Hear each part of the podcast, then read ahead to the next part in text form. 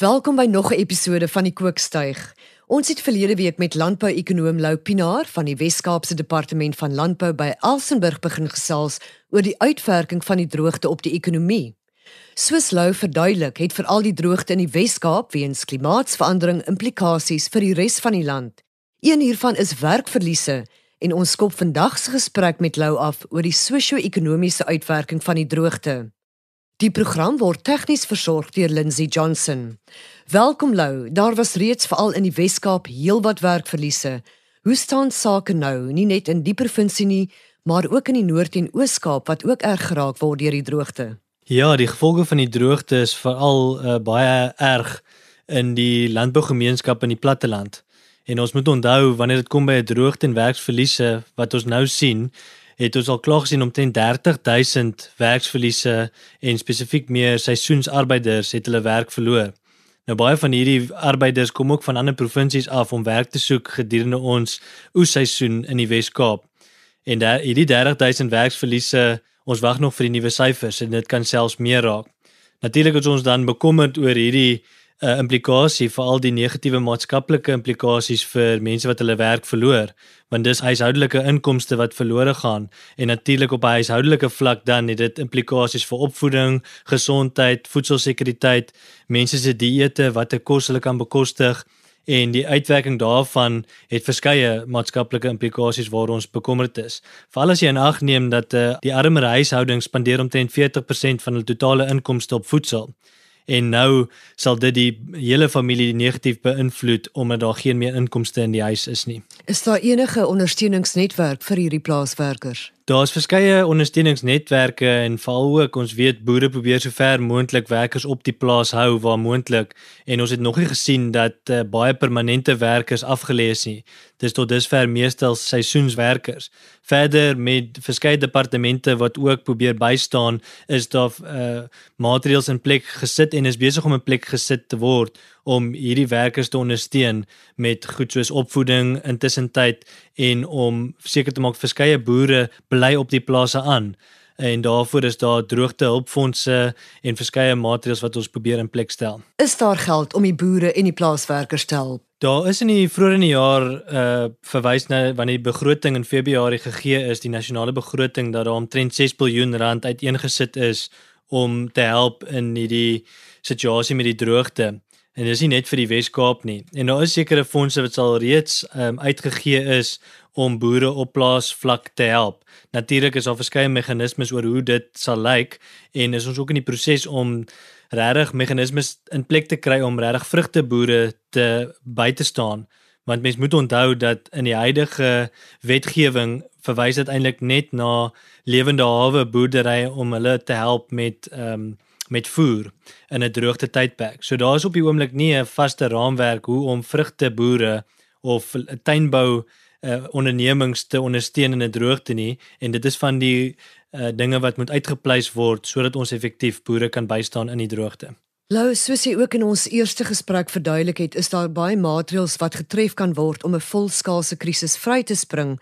Hoe groot 'n rol speel tegnologie om die landbousektor op sy voete te hou? Tegnologie is uiters belangrik in die tyd waarin ons lewe, veral met die uh, wisselvallige weeromstandighede.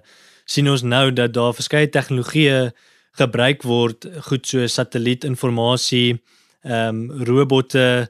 Uh, die lys is nogal lank vir verskillende tegnologie wat ons nou sien. Maar ons moet onthou dat die bedryf ook in die Wes-Kaap en veral ook vrugte is baie kapitaalintensief en hierdie tegnologie kos ook geld.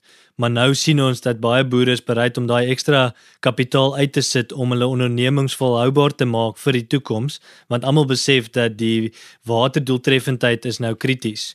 En daarom is daar ook toenemend nuwe tegnologie wat op die mark kom om seker te maak dat boorde meer effektief bestuur word op die plaasvlak. Lou, maar wat van boere wat dit nie kan bekostig, wat nie hierdie tegnologie kan bekostig nie? Kan hulle oorleef?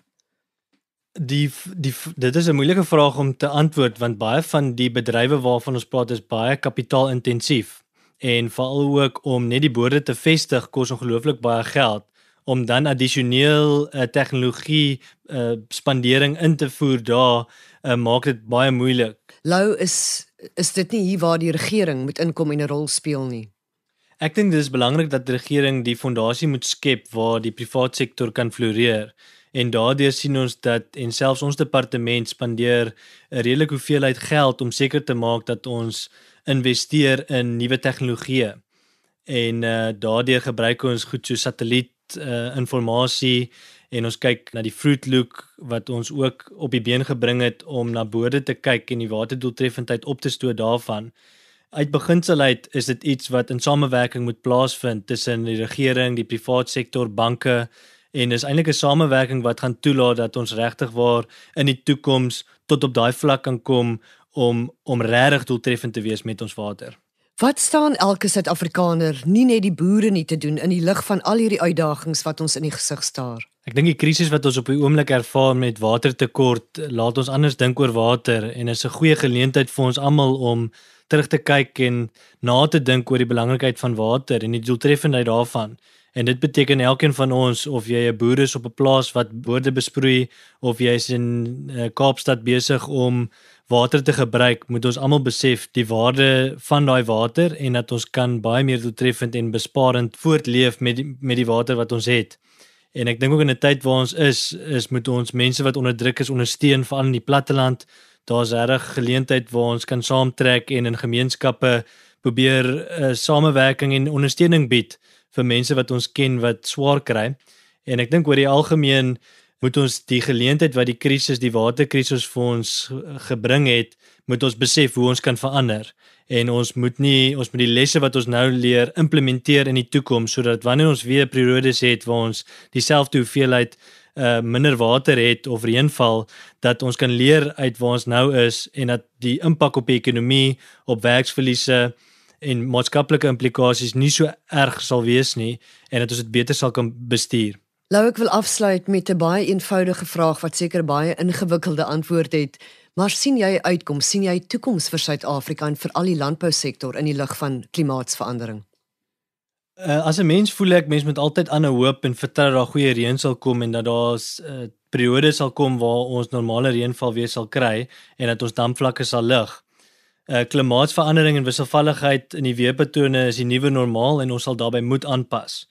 Um, ek is oortuig die situasie sou veel erger gewees het as ons nie so innoverend was en regtig waar die droogte by die horings gegryp het en seker gemaak het dat ons water bespaar nie. En ek dink die droogte het laat besef hoe belangrik water vir elkeen van ons is.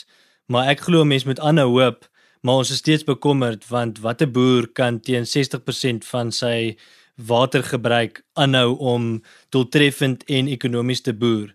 So ons is definitief bekommerd oor volgende jaar se waterbeperkings wat steeds op landbou gaan wees en ons hoop dat dit sal verander.